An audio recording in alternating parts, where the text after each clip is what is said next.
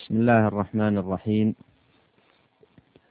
الحمد لله الذي له الحمد في الأولى والآخرة وهو الحكيم الخبير.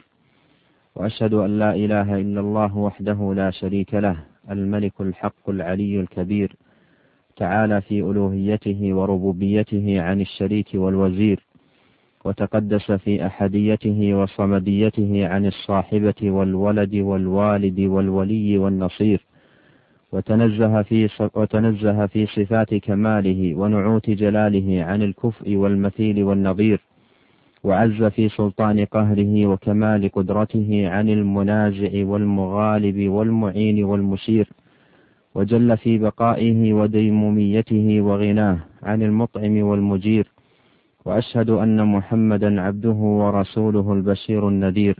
والسراج المنير صلى الله عليه وعلى آله وأصحابه وسلم تسليما كثيرا. أما بعد أيها الإخوة المستمعون سلام الله عليكم ورحمته وبركاته. إن خير ما ينبغي للعبد أن يذكر الله به هو كلامه تبارك وتعالى الذي هو خير الكلام وأحسنه وأصدقه وأنفعه.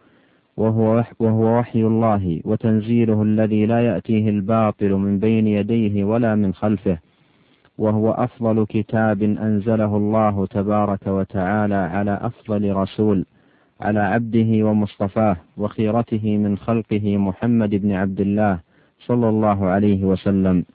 يقول الله تعالى في بيان شرف هذا القرآن الكريم وفضله ولا يأتونك بمثل إلا جئناك بالحق وأحسن تفسيرا.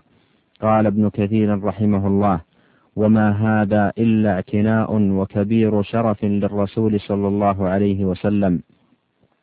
حيث كان يأتيه الملك بالقرآن لا كإنزال الكتاب مما قبله من الكتب المتقدمة فهذا المقام أعلى وأجل وأعظم مكانة من سائر إخوانه من الأنبياء. صلوات الله وسلامه عليهم أجمعين. فالقرآن أشرف كتاب أنزله الله ومحمد صلى الله عليه وسلم أعظم نبي أرسله الله تعالى. انتهى كلامه. أيها الإخوة المستمعون إن فضل القرآن الكريم وشرفه ورفيع قدره وعلو مكانته أمر لا يخفى على المسلمين فهو كتاب الله رب العالمين وكلام خالق الخلق أجمعين. فيه نبأ ما قبلنا وخبر ما بعدنا وحكم ما بيننا. هو الفصل ليس بالهزل. من تركه من جبار قصمه الله ومن ابتغى الهدى في غيره أضله الله. وهو حبل الله المتين وهو الذكر الحكيم وهو الصراط المستقيم. هو الذي لا تزيغ به الأهوى ولا تلتبس به الألسنة ولا يشبع منه العلماء ولا يخلق ولا يخلق عن كثرة الرد ولا تنقضي عجائبه.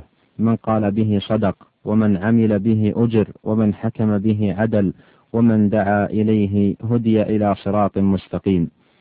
إن قدر القرآن وفضله هو بقدر الموصوف به وفضله فالقرآن كلام الله وصفته وكما أنه تبارك وتعالى لا سمي له ولا شبيه في أسمائه وصفاته فلا سمي له ولا شبيه له في كلامه. فله تبارك وتعالى الكمال المطلق في ذاته وأسمائه وصفاته. لا يشبهه شيء من خلقه ولا يشبه هو تبارك وتعالى شيئا من خلقه. تعالى وتقدس عن الشبيه والنظير ليس كمثله شيء وهو السميع البصير. والفرق بين كلامه تبارك وتعالى وكلام المخلوقين هو كالفرق بين الخالق والمخلوقين.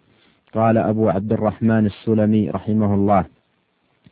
فضل القرآن على سائر الكلام كفضل الرب على خلقه وذلك أنه منه. وقد روي هذا اللفظ مرفوعا إلى النبي صلى الله عليه وسلم إلا أن رفعه لا يثبت كما أوضح ذلك الإمام البخاري رحمه الله في كتابه خلق أفعال العباد وغيره من أئمة العلم. وأما معناه فحق لا ريب فيه. ولا ريب في حسنه وقوته واستقامته وجمال مدلوله. وقد استشهد أهل العلم لصحة معناه بنصوص عديدة. بل إن الإمام البخاري رحمه الله جعله عنوانا لأحد تراجم أبواب كتاب فضائل القرآن من صحيحه. فقال في الباب السابع عشر منه باب فضل القرآن على سائر الكلام. وأورد تحت هذا الباب حديثين عظيمين. الأول حديث أبي موسى الأشعري رضي الله عنه عن النبي صلى الله عليه وسلم قال مثل الذي يقرأ القرآن كالأترجة طعمها طيب وريحها طيب والذي لا يقرأ القرآن كالتمرة طعمها طيب ولا ريح فيها ومثل الفاجر الذي يقرأ القرآن كمثل الريحانة ريحها طيب وطعمها مر ومثل الفاجر الذي لا يقرأ القرآن كمثل الحنظلة طعمها مر ولا ريح لها. قال ابن كثير رحمه الله في كتابه فضائل القرآن وهو عبارة عن شرح مختصر وعظيم الفائدة لكتاب فضائل القرآن من صحيح البخاري. قال ووجه مناسبة الباب لهذا الحديث أن طيب الرائحة دار مع القرآن وجودا وعدما. فدل على شرفه على ما سواه من الكلام الصادر من البر والفاجر. والحديث الثاني حديث ابن عمر رضي الله عنهما عن النبي صلى الله عليه وسلم قال إنما أجلكم في أج إنما أجلكم في أجل من خلا من الأمم كما بين صلاة العصر ومغرب الشمس ومثلكم ومثل اليهود والنصارى كمثل رجل استعمل عمالا. فقال من يعمل لي إلى نصف النهار على قيراط قيراط فعملت اليهود.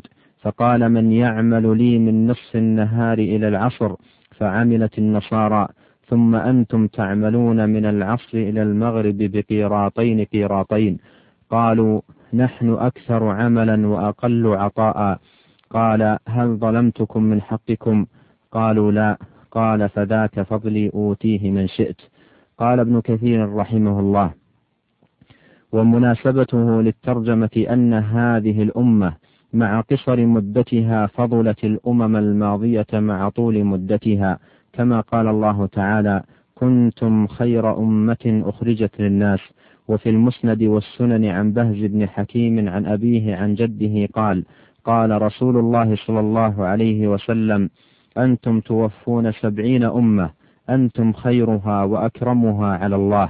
وإنما فازوا بهذا ببركة الكتاب العظيم القرآن الذي شرفه الله على كل كتاب أنزله وجعله مهيمنا عليه وناسخا له وخاتما له لأن كل الكتب المتقدمة نزلت إلى الأرض جملة واحدة وهذا القرآن نزل منجما بحسب الوقائع لشدة الاعتناء به. وبمن أنزل عليه فكل مرة كنزول كتاب من الكتب المتقدمة.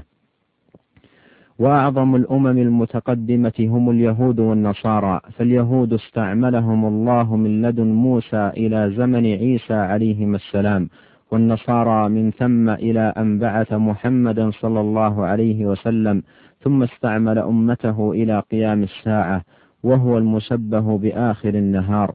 وأعطى المتقدمين قيراطا قيراطا وأعطى هؤلاء قيراطين قيراطين. ضعفي ما أعطى أولئك. فقالوا أي ربنا ما لنا أكثر عملا وأقل أجرا. فقال هل ظلمتكم من أجركم شيئا؟ قالوا لا. قال فذاك فضلي. أي الزائد على ما أعطيتكم أوتيه من أشاء. كما قال الله تعالى يا أيها الذين آمنوا اتقوا الله وآمنوا برسوله يؤتكم كفلين من رحمته ويجعل لكم نورا تمشون به ويغفر لكم والله غفور رحيم لئلا يعلم أهل الكتاب ألا يقدرون على شيء من فضل الله وأن الفضل بيد الله يؤتيه من يشاء والله ذو الفضل العظيم أيها الإخوة المستمعون إن الواجب علينا أن نعظم القرآن الكريم الذي هو مصدر عزنا وسبيل سعادتنا ونحفظ له منزلته ومكانته ونقدره حق قدره.